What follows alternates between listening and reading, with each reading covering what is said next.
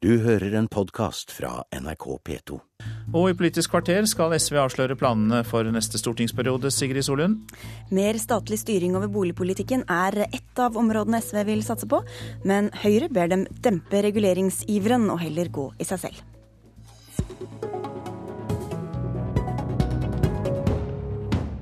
I dag legger SV fram forslaget sitt til arbeidsprogram, altså det partiet skal ha som basis for politikken sin etter neste stortingsvalg. I regjering eller i opposisjon. Inga Marte Torkelsen, statsråd og SV-nestleder, det er du som har ledet dette arbeidet. Ja. Og dere har forsøkt å prioritere hardt og landet på tre nasjonale reformer. En av dem handler om bolig, den skal vi snart gå nærmere inn på. Hva handler de andre om? Det tar utgangspunkt i at vi har to kriser og en stor nasjonal utfordring som vi må gi svar på. Og Det ene er miljø- og klimakrisa. Eh, det andre handler om fordelingskrisa, som vi særlig ser utslag av i Europa nå. Eh, og utfordringen handler om at vi kommer til å bli seks millioner mennesker i Norge ganske raskt. Og den befolkningsøkningen den kommer til å, å særlig komme i storbyområdene våre, og særlig på Østlandet. Så den første saken vi reiser, det handler om behovet for en grønn transportomlegging som både skal svare på miljøutfordringene vi har, eh, og som også skal svare på den utfordringa med befolkningsøkning. Fordi at i realiteten står vi overfor et valg. Kollektivtrafikk eller kø og kaos. Eh, og Derfor er det den ene eh, saken, i tillegg til boligbygging. Og det andre handler om skole. Det handler om at hvis vi skal klare å gi alle barn tilnærma de samme mulighetene i livet, hvis vi skal bekjempe klasseskiller og hindre at de fortsetter å utvikle seg gjennom skolegangen, og hvis vi skal sikre at barna eh, gjennomfører, at alle gjennomfører videregående skole, så må vi gjøre mer også på grunnskolenivå. For det er tidlig innsats som teller. Så en ny nasjonal skoledag med lærersatsing er den tredje saken. Så dette er velkjent SV-politikk, da. Hvor mye har hensynet til å tiltrekke seg nye velgere hatt å si, og taktikk, når dere har valgt ut disse områdene? Ja, Vi eh, mener jo selvfølgelig at det er viktig å ha populære saker. Det skulle da bare mangle. Og jeg tror jo at eh, det er populært å få til en skikkelig satsing på kollektivtransport, sånn at ikke vi ender opp med å stå i kø hele gjengen. Eller at det skal være god fremkommelighet for eh, syklister i byene, sånn at du har et alternativ. Eh, og at du har et trygt alternativ, for det, det er jo en gruppe også som er veldig utsatt for trafikkulykker. Jeg tror det er populært for eh, store deler av befolkninga å få en boligpolitikk som gjør at eh, ikke bare de som har velstående foreldre, skal kunne komme inn på boligmarkedet. Og jeg tror også det er populært å sikre at vi får bedre lærere på grunnskolen. Men de sakene dere har valgt, dere har ikke gjort, gjort dere så veldig populære eh, frem til nå?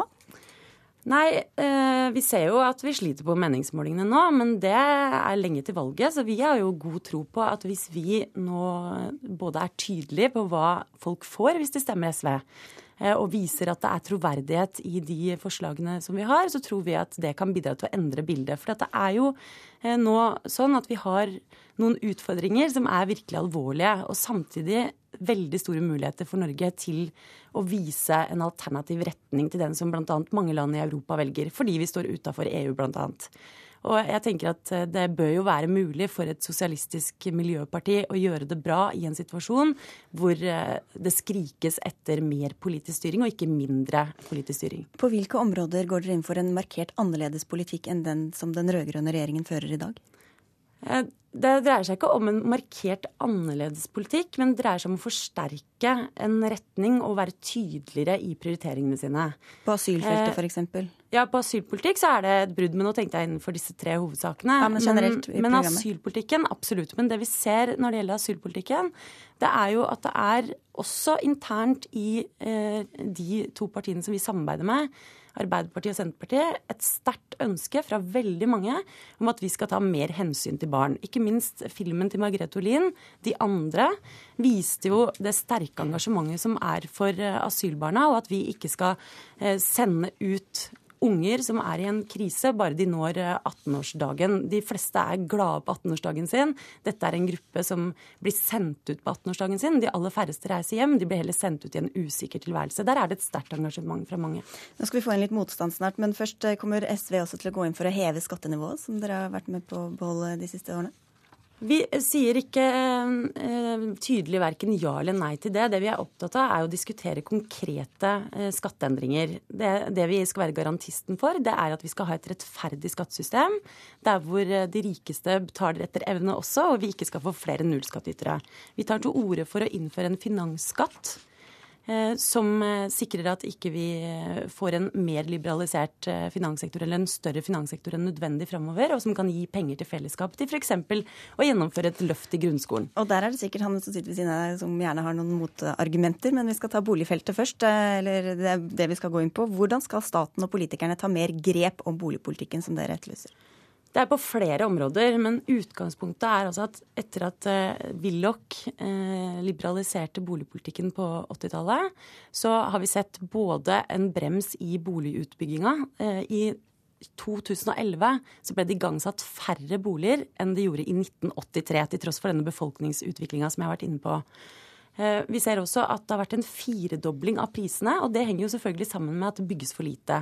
Det er for mye overlatt til markedskreftene og kommersielle interesser. Hvordan skal dere endre det? Hva skal eh, politikerne gjøre? Og derfor er det noen hovedgrep som vi foreslår. Det ene er at vi ønsker at det skal vedtas en nasjonal boligplan i Stortinget med jevne mellomrom, som ser framover og ser hva trengs av nye boligprosjekter. Hvordan kan vi sikre at vi både bygger i takt med befolkningsutviklingen? Hvordan kan vi sikre varierte bomiljøer, som ikke minst er viktig her i Oslo, hvor vi ser at deler av boligmassen forslummes, og det rammer bl.a. barn. Vi ønsker å pålegge kommunene å bygge mer. Det er jo eh, bl.a. Høyre uenig i, men vi mener at det er nødvendig. Og pålegge også regionalt plansamarbeid. Og så sier vi at Situasjonen f.eks. her i hovedstaden, hvor det er 22 000 tomter som er ferdigregulert, men hvor det ikke bygges fordi det ikke er lønnsomt nok for utbyggerne, det gjør at vi må også vurdere nye virkemidler utover Husbanken som vi ønsker å satse videre på. Eh, og Det kan være å etablere et statlig utbyggingsselskap eller gi støtte til kommunale utbyggingsselskaper, sånn at vi bygger på de regulerte tomtene. Nå må vi få inn Michael Tetzschner her, du er boligpolitisk talsperson for eh, Høyre. Du sier at SV vil friske opp sin reguleringsivrige profil, men er du uenig i at det trengs mer styring og kontroll? Eh, nei, slett ikke. Vi kan ikke kontrollere oss til produksjon.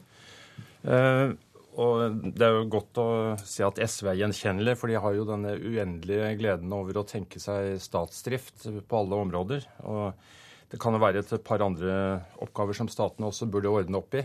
Eh, vi hørte tidligere om korridorpasienter i et av våre nye sykehus. Men så snakker vi bolig. Og så er det selvfølgelig fint at SV er opptatt av fremtiden, men de sitter i den nåværende regjeringen som med et slag økte egenkapitalkravet til unge mennesker. Førstegangsetablerer med 50 fra den ene dagen til den andre. Og eh, SV har miljøvernministeren, som eh, kanskje er en av de største Han bestyrer et departement som er en av de største proppene når det gjelder å få frem nye arealplaner, som jeg er enig i at vi skal, vi skal ha. Um, så det er ikke virkemidlene hun skisserer her som ja, det er noe galt med, det er, det er, den politikken som føres i dag? Ja, altså tro at man ved en storstilt sentral plan vedtatt i, i Stortinget skal legge detaljerte uh, bestemmelser om uh, hvilke boliger som skal uh, bygges hvor. Det er, jeg så for meg at man, man, ønsker at Stortinget skal da bli Norges største kommunestyre, og det vil fullstendig ødelegge noe av det som er kjernen i det lokale selvstyret, nemlig arealpolitikken. Så jeg har også lyst til å si at vi har sett litt på SVs praksis i Oslo bystyre. Som, som er et uh, område som både er presset prismessig og arealmessig. Og Da har vi funnet ut at eh, SV er på bunn, og de har stemt imot eh, nesten hver fjerde foreslåtte bolig i perioden 2007 til 2011. Så kanskje man kunne snakke internt i SV, både med miljøvernministeren, som da sitter og blokkerer en god del eh, kommunale arealplaner, men også sine partifeller i Oslo, som i praksis stemmer imot boligbygging.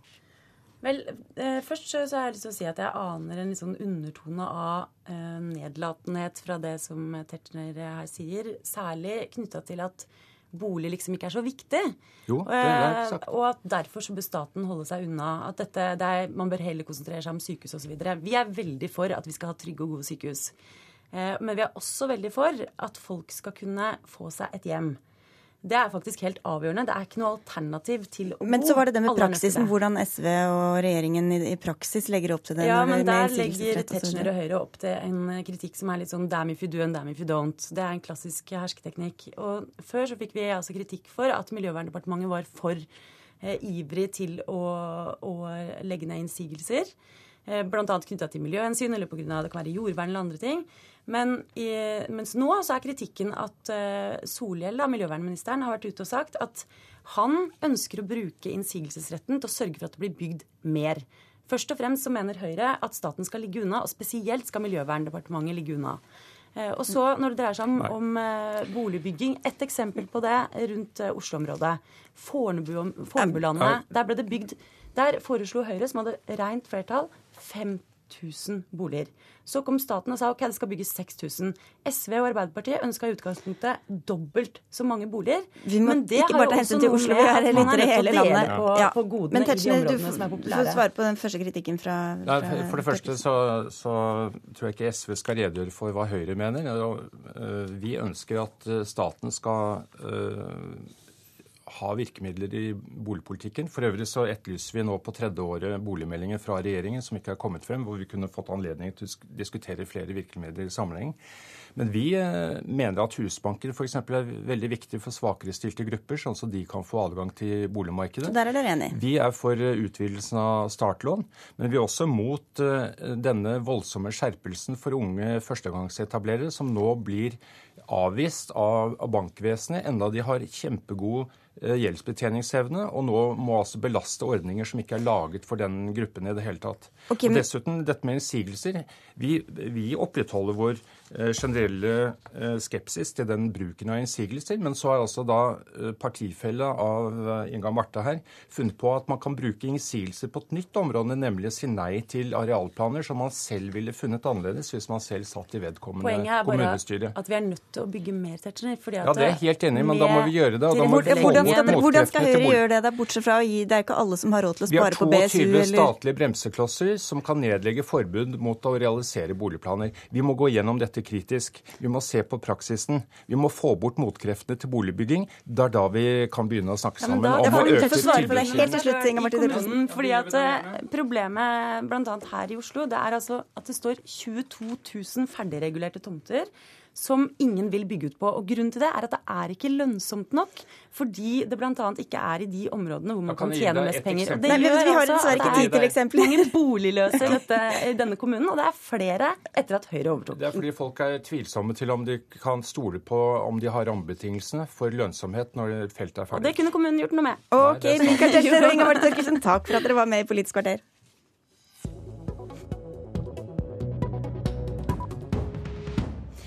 EØS-tilhengere i Nei til EU advarer organisasjonen mot å være for opptatt av å få Norge ut av EØS. Flere sentrale tillitsvalgte sier til Klassekampen og Nasjonen i dag at EØS-motstanden har økt for hvert landsmøte nå sist i helgen som var. Tidligere nestleder i Nei til EU, Jostein Moen, du trakk deg fra styret nå og sier at det ikke er naturlig for deg å være tillitsvalgte lenger. Hvorfor ikke? Nei, fordi at Nei til EU er en bred folkebevegelse med nesten 30 000 medlemmer som er forent i kampen mot norsk EU-medlemskap. Og det som skjer nå er at Nei til EU i stadig økende grad fokuserer på ut av EØS. Og da er det en del av oss som er kritiske EØS-tilhengere, som får problem med å henge med i svingene. Hva sier andre meningsfeller av deg som du har snakket med om det her? Nei, På landsmøtet så var det ca. 150, 150 delegater. Jeg vil anslå at ti av oss var EØS-tilhengere, eller kritiske EØS-tilhengere. Fire av oss gikk ut av våre verv i styre og råd. og Da var EØS, den økende EØS-motstanden viktig. og Vi vet jo at vi har et bakland av sosialdemokrater, venstrefolk, KrF-ere og folk i fagbevegelsen som har stor forståelse for det. Men majoriteten av medlemmene er jo ikke enig med deg. Hva er det galt med at organisasjonen velger den veien eh, som medlemmene vil? Nei, ingenting er galt med det. og Nei til EU vedtar en masse god politikk. eh, Men, men utfordringa er at i en bred eh, allianse som er bygd opp fra, av folk fra ulike partier, så er det en del av oss som mener at nå har EØS løftet, blitt løfta så høyt opp på dagsordenen at det er naturlig å la andre overta. Og Heldigvis er det nye KrF-ere og Arbeiderpartifolk som har valgt å trå inn i styre og råd i Nei til EU. Så det er ikke noe splittelse, men et uttrykk for at eh, Nei til EU nå eh, har EØS litt for høyt oppe på agendaen og kommer til å ha den høyere i tida framover. Hemming Olaussen, leder i Nei til EU. Hva syns du om at flere tillitsvalgte altså har trukket seg? Nei, Jeg beklager jo det, men samtidig som Jostein sier, så har jo kommet nye folk inn. Slik at det er ikke noe splittelse i Nei til EU. Når dette spørsmålet nå spiser seg mer til, så, så handler det først og fremst om at det spiser seg til utafor Nei til EU, altså i samfunnet, i fagbevegelsen særlig. Så er EØS blitt et, eh, et varmt tema. Eh, og det slår også inn i Nei til EU, og det gjør også litt mer utfordrende for eh, folk med sosialdemokratisk bakgrunn. Men er du enig, at, ja, du er enig i beskrivelsen at Nei til EU har beveget seg også mer i retning Nei til EØS? Ja, jeg er enig i det, og det har jo sammenheng med at 75% av norske folk sier nei til EU, slik at det spørsmålet er jo ikke så brennbart. Hvor naturlig tror du det blir å være EØS-tilhenger i en organisasjon som har et mål om å jobbe aktivt for å få Norge ut av EØS? Min ambisjon er at Nei til EU fortsatt skal være en brei eh, allianse og folkebevegelse hvor det er plass til alle som er mot norsk EU-medlemskap. Takk skal du ha, Hemming Olaussen, og takk også til Jostein Moen. Politisk kvarter er slutt for i dag. Mitt navn er Sigrid Solund. Nå fortsetter P2s Nyhetsmorgen. Du har hørt en podkast fra NRK P2.